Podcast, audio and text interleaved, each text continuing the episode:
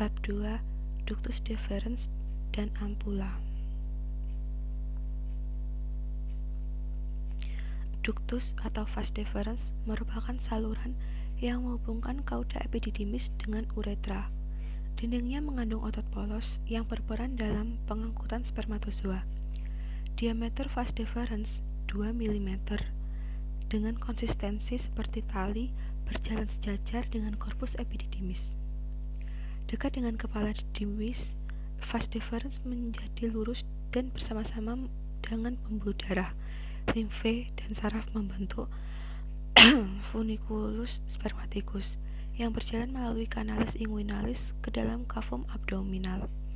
Kedua vas deferens, kiri dan kanan, terletak sebelah menyebelah di atas vesika urinary, lambat laun menebal dan membesar membentuk ampula ductus deferens.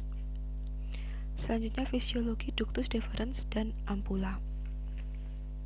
Vas deferens atau ductus deferens berfungsi mengangkut spermatozoa dari kauda epididymis ke uretra.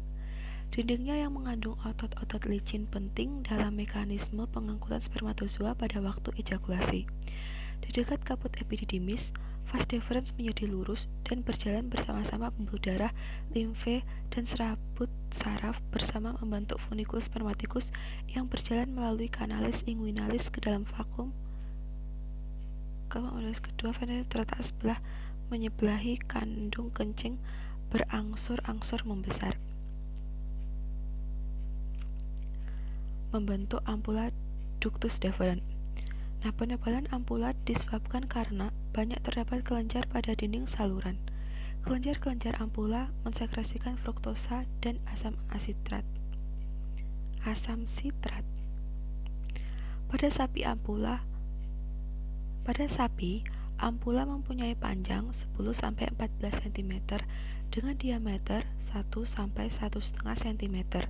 Sedangkan pada kuda panjang 15 sampai 24 cm dengan diameter 2-2,5 cm.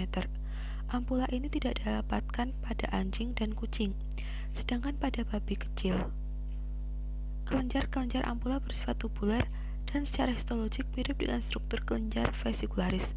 Kedua ampula pada sapi terletak sebagai dorsal dari leher vesika urinari dan bermuara bersama. Saluran sekretoris kelenjar vesikularis ke dalam uretra dengan orifikum berbentuk celah pada setiap sisi coliculus seminalis.